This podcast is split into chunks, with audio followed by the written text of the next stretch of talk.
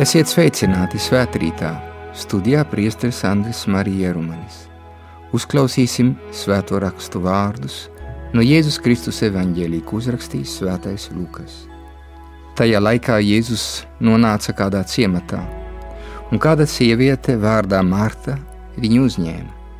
Viņai bija māsa vārdā Marija, kas apsēdusies pie kunga kājām, klausījās viņā runā, bet Marta nopūlējās ar dažādiem pakalpojumiem. Tad viņa pienāca un sacīja: Kungs, vai tev nerūp, ka mana māsa ir atstājusi man vienu kalpot? Tāpēc saki viņai, lai viņa man palīdz. Un kungs atbildot, sacīja viņai: Marta, Marta, tu rūpējies un uztraucies par daudzām lietām, bet tikai viena ir nepieciešama. Marija izvēlējās savu labāko daļu, kas viņai netiks atņemta. Tie ir svēto rakstu vārdi.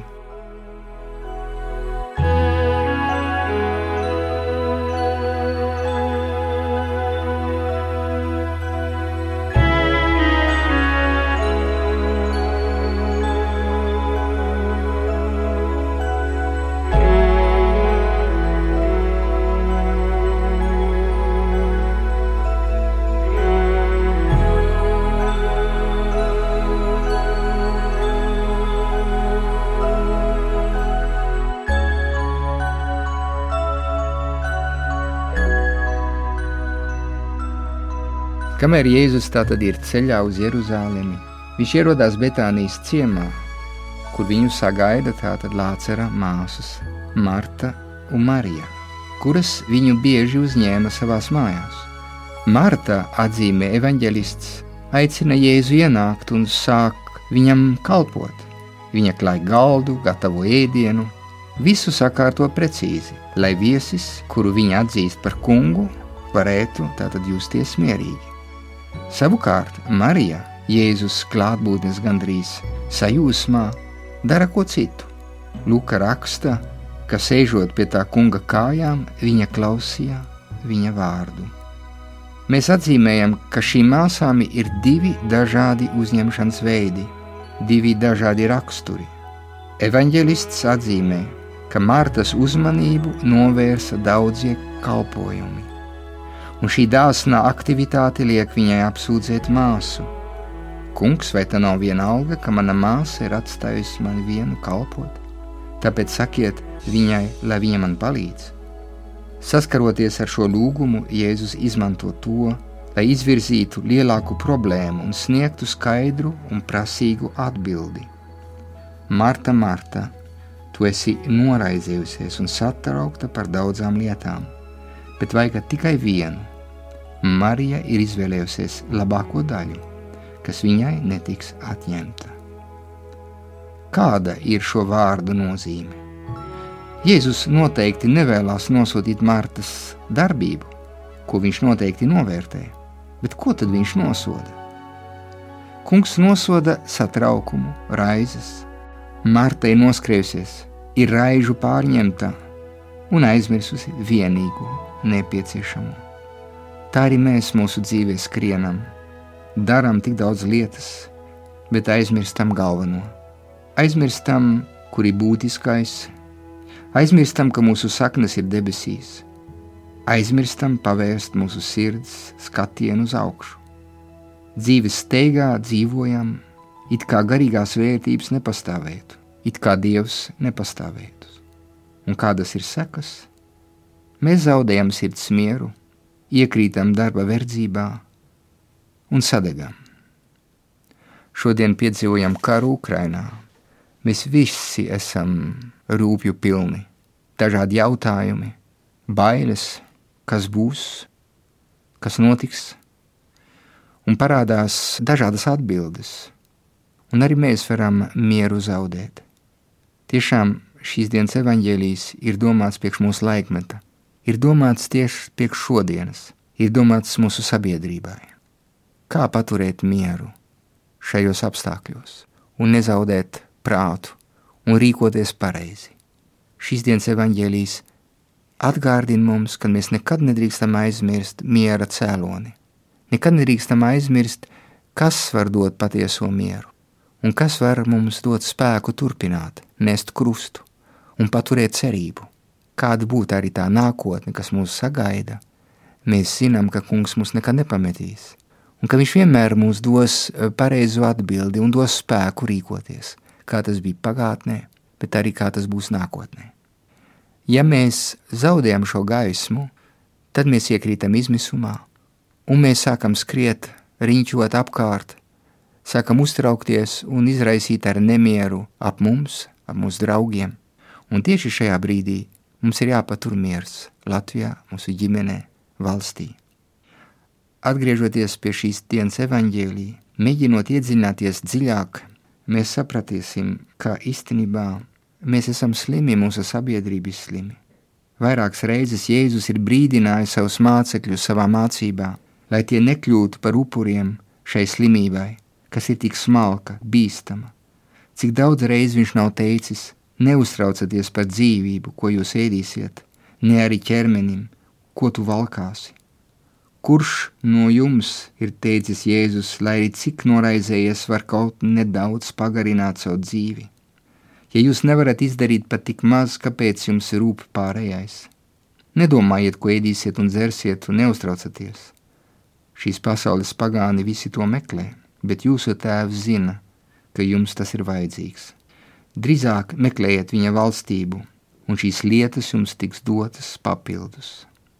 Sargieties, saka Jēzus, pie sevis, lai jūsu sirds neapgrūtinātu izšķērdību, dzērumu un dzīves rūpes. Un tieši šajā situācijā Kristus vārdi ir ļoti aktuāli. Tieši šajā vēstures posmā, un tad, kad mums tā nākotne nav pilnīgi skaidra, Kristus vārdi paliek un būs vienmēr aktuāli. Šīs dienas evaņģēlijas tātad mums dod spēku un mums parāda, ka mums ir jāmeklē tas, kas ir būtiskais. Vajag tikai vienu, bet ko tas nozīmē? Tas nozīmē, ka mums būtu viss jāpamet, ka mums būtu jārīkojas kā Marijai, ka mums būtu vienmēr jālūdz un nekas nebūtu jādara. Nē, pilnīgi nē. Ar šo izteicienu vajag tikai vienu. Jēzus vēlās, lai mēs saprastu, ka neder tas, kurš daudz dara, bet tas, kurš to dara ar Dievu. Atcerēsimies skaisto līdzību par vīnkoku un zariem. Es esmu vīna koks, jūs esat zari. Kas paliek manī un es viņā, tas nes daudz augļu, jo bez manis jūs nekā nevarat. Ja jūs paliekat manī un mani vārdi paliek jūsos, lūdziet, ko vēlaties, un tas jums notiks. Mums ir jāatcerās, ka cilvēks ir radīts lūgties un lai mīlētu viens otru, kā to teica svētais ārsas prāvests. Tāpēc uzdosim sev jautājumu, kas mums ir lūkšana? Vai kad mēs lūdzam, vai tas, ko sakam, nāk no prāta vai no sirds? Kad mēs sakam lūkšanu, vai mēs meditējam par vārdiem, ko sakam? Lūkšana, teica Svētais Jānis 23. ir ticīgā prieks, tā ir garīga elpa, kas pavada visu dzīvi. Kādreiz dāņu filozofs Sērens Kerkegors rakstīja, vai tā vietā, lai sludinātu par pienākumu lūgt Dievu, nebūtu pareizāk atgādināt cilvēkiem par milzīgo privilēģiju runāt ar Dievu. Lūkšana tā tad ir runāšana ar Dievu. Runājot ar cilvēku, mēs pārdomājam, domājam par to, ko sakam. Savukārt ar Dievu, diemžēl, uzvedamies ar lielu vieglumu. Kad mēs nākam uz misiju un klausamies tā kunga vārdu, tas lielākoties neiespiežās mūsu sirdīs, jo esam piepildīti ar tūkstošu raizēm. Nu jā, Marta un Marija mūsos dzīvo gandrīz nešķiramā veidā Bieži vien Marta ņem virsroku mūsos, spiežot mūs skriet pretī Jēzum un pie pārējiem, kuros viņš ir klātesošs, lai viņu pat priecīgi sagaidītu, bet priekšplānā izvirzot savu aktivitāti, patiesi nenostādot sevi viņam kalpošanā. Savukārt, Marija snauž mūsu dziļumos, Lai ļautu viņai izkļūt, ir jāmirst savam egoismam, lepnumam un atkal jāceļās augšām tādā attieksmē, kas nostājās pie Jēzus kājām, lai klausītos viņa vārdā. Tikai tad, ja klausamies un īstenojam tā kunga vārdu, mēs varam tikt svētīti. Svētīgi tie, kas dzird dieva vārdu un to tur, saka Jēzus. Mēs lūdzam, lai kungs dod mums pazemīgu un lēmprātīgu sirdi, kas spēj klausīties viņa vārdā, jo vajadzīga tikai viena lieta - būt uzmanīgiem, kā Marija, viņa balsī. Neaizmirsīsim un pieņemsim Jēzus aicinājumu, kurš saka: Redzi, es stāvu pie durvīm un klauvēju. Ja kāds klausās manā balsī un atvērs man durvis, es nākšu pie viņa un vakariņošu ar viņu, un viņš ar mani. Mums visiem ir vajadzīgs iekšienes skats, mums visiem ir jāiet savā sirdī, lai ievilktos telpā un laikā, kas veltīts mūsu attiecībām ar Dievu bet tas nenozīmē bēgšanu no realitātes. Tādējādi lūkšanas cilvēki meklē vientulību un klusumu nevis tāpēc, lai viņus netraucētu, bet labāk ieklausītos Dieva balsī. Dažreiz viņi atkāpjas no pasaules savas istabas noslēpumā, kā to ieteica Jēzus, taču, lai kur viņi atrastos, viņi vienmēr tur savas sirds durvis atvērtas. Vientulībā tas, kurš lūdzās, vai tā ir ilga vientulība vai pusstunda vientulība, norobežojās no visa un visiem, lai visu un visus atklātu Dievā no jauna. Tādējādi lūkšanā lūdzās par visu pasauli, nesot uz saviem pleciem sāpes un grēkus. Viņš lūdz par katru un par visiem. Viņš ir Dieva antena šajā pasaulē. Katra nabadzībā kas klauvē pie durvīm, katrā cilvēkā, kas zaudējis lietu jēgu, tie, kas lūdz, redz Kristus vaigu. Kad ticīgais svētā gara rosināts lūdz par grēciniekiem, viņš neizdara atlasi, nepieņem nosodošu spriedumu, viņš lūdz par visiem, un viņš arī lūdz par sevi. Tajā brīdī viņš pat zina, ka nemaz tik ļoti neatšķirās no cilvēkiem, par kuriem viņš lūdz. Viņš jūtās grēcinieks, grēcinieku vidū un lūdz par visiem. Mācība no līdzības par farizēju un muitnieku joprojām ir dzīva un aktuāla. Mēs neesam labāki par citiem. Mēs visi esam brāļi trauslumā, ciešanās un grēcīgā dzīvē. Nē, mēs to neuzskatām, ka tā būtu vislabākā lieta, bet mēs saprotam, ka mums visiem ir jāiet uz priekšu. Mēs visi saprotam, ka mēs esam aicināti uz svētumu, Un ja mēs gaidīsim, ka mēs būsim svēti un tikai tad lūksimies, tad mēs nekad nelūksimies. Ja mēs esam ceļā, un tas ir dinamisks process, svētā gara pavadīt pazemībā, mēs lūdzamies par citiem, bet mēs apzināmies, ka mēs paši esam grēcinieki. Tāpēc lūkšana, ko mēs varam adresēt Dievam, ir šāda, kā 143. psalmā mēs varam lasīt: Kungs, neviens, kas dzīvo tavā priekšā, nav taisnīgs Tas ir psalms, tādā, kurā teikts, kungs, neviena dzīve tavā priekšā nav taisna. Neviens no mums, mēs visi esam grēcinieki. Mēs visi esam parādnieki ar nenokārtotu kontu. Nav neviena, kas būtu bez grēka tavās acīs. Kungs apžēlojas par mums. Un ar šo garu lūkšana ir auglīga, jo mēs esam pazemīgi Dieva priekšā, lai lūgtu par visiem. No otras puses, farizējs lūdz ar lepnumu. Atcerēsimies viņa vārdus: Es pateicos tev, kungs, jo es neesmu tāds kā tie grēcinieki. Es esmu taisns, es vienmēr daru visu, kā tu to esi prasījis. Tā nav lūkšana, kā teica Pāvils Francisks. Tā ir skatīšanās uz sevi spogulī, skatīšanās uz savu realitāti, skatīšanās uz sevi spogulī, ko veido lepnums. Baznīcai visos tās locekļos ir uzdevums praktizēt aizlūgšanas lūgšanu, aizlūgt par citiem Konkrēti ikvienam, kas ir atbildīgs, ir pienākums vecākiem, audzinātājiem, ordinētiem kalpotājiem, kopienas priekšniekiem. Tāpat kā Abrahamam un Mozum, viņiem dažreiz ir jāizstāv Dievu priekšā tiem uzticētie cilvēki. Patiesībā tas ir par skatīšanos uz viņiem ar Dieva acīm un sirdi, ar viņa pašu neuzsvaramo līdzjūtību un maigumu, maigi lūdzot par citiem. Dzirdot šīs dienas evaņģēliju, esam aicināti veikt sirdsapziņas izmeklējumu. Katrs no mums, lai pārdomā, cik daudz laika dienā es atvēlu Jēzus noslēpumu apcerēji. Un tad, kā es strādāju? Vai es strādāju tik daudz, ka tas šķiet atsvešināts, vai strādāju saskaņā ar manu ticību, vai strādāju kā kalpošanu, kas nāk no evaņģēlī? Mums būs labi par to domāt. Īstenībā lūkšana tā ir atjaunotas sirds dzīve. Nepieciešams, lai lūkšana mūs pastāvīgi dzīvinātu. Taču mēs aizmirstam to, kas ir mūsu dzīve un mūsu viss. Tieši tāpēc garīgie tēvi, sekojot atkārtota likuma grāmatas un praviešu tradīcijai, uzsver lūkšanu kā dieva atcerēšanos kā biežu sirds atmiņas uzmodināšanu. Dievu vajag atcerēties vēl biežāk nekā elpojam. Taču nav iespējams lūgties bez mitēšanās, ja apzināti neveltam lūgšanai noteiktus brīžus. Tie ir kristīgās lūgšanas svarīgākie brīži gan intensitātes, gan ilguma dēļ.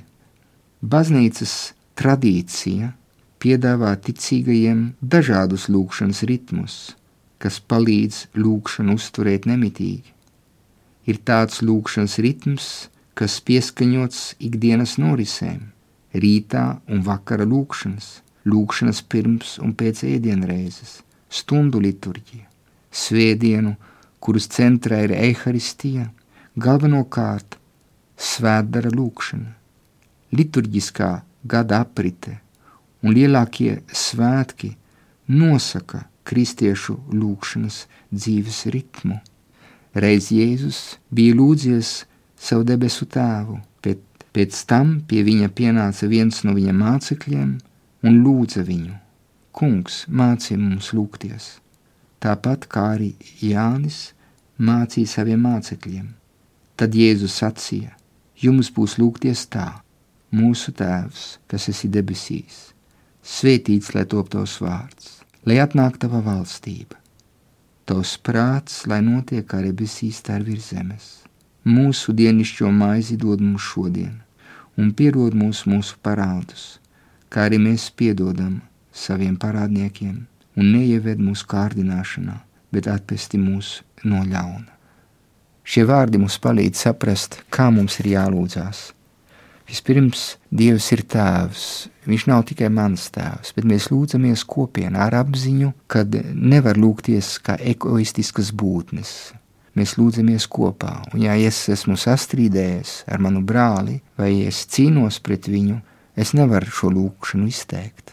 Es nevaru teikt mūsu tēvs. Es nevaru lūgties, ja es nepaceļu acis uz debesīm. Mūsu tēvs, kas ir debesīs. Mēs vienmēr palīdzam ar baznīcas ēku, kas ir uzbūvēta tādā veidā, ka mēs ejam sakrālā telpā un paskatāmies uz augšu.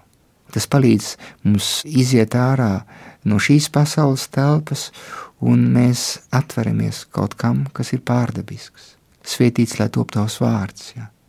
jā, mēs vispirms vēlamies, lai Dievs tiktu atzīts, lai Viņš tiktu mīlēts visā pasaulē. Arī lai neticīgie viņu atklātu un arī mēs šo svētdienu lūdzamies par visiem. Mēs neceļām mūrus starp tiem, kas tic un kas netic, bet mēs parādām ceļu uz debesīm.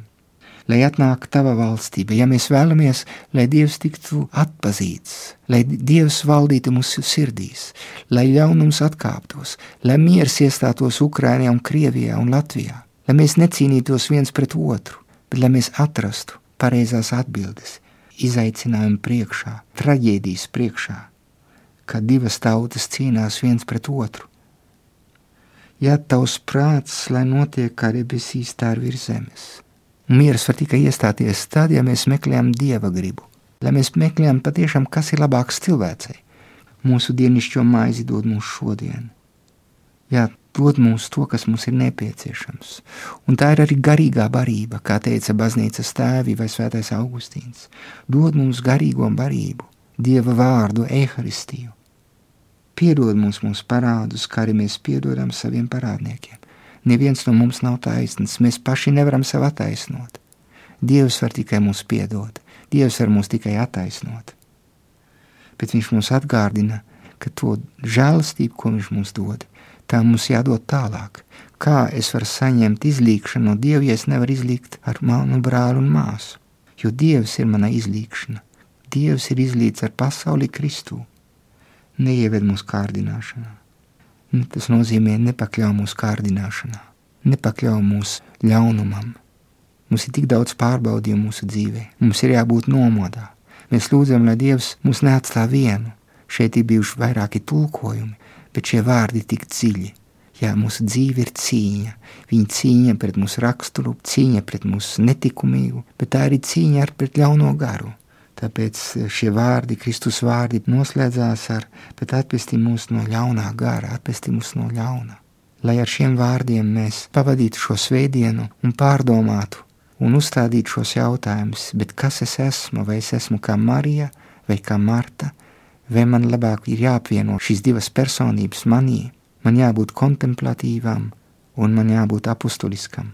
Kā apvienot lūgšanu ar to, ko es daru, paliekot Kristū tajā, ko es daru katru dienu. Bet svētdiena ir tā diena, kad es atpūšos Dievā. Un tieši tāpēc es esmu aicināts atrast laiku, aiziet uz baznīcu vai ieklausīties šajā svētdienas rīta pārdomās un pateikties ar Dievam par visu to, ko viņš man ir devis, un uzticēt viņam manas rūpes. Noslēgsim šīs pārdomas, vēlreiz atkārtojot Kristus lūgšanu. Mūsu Tēvs, kas esi debesīs, svētīts lai top tavs vārds, lai atnāk tava valstība, tavs prāts, lai notiek kā debesīs, tā ir virs zemes. Mūsu dienišķo maizi dod mums šodien, un piedod mums mūsu parādus, kā arī mēs piedodam saviem parādniekiem un neieved mūsu kārdināšanā, bet atpesti mūs no ļauna. Āmen! Lai Dievs jūs visus svētī Dieva tēva un dēla un svētā gara vārdā. Āmen! Kopā ar jums studijā bija priesteris Andris Marija Jerumanis.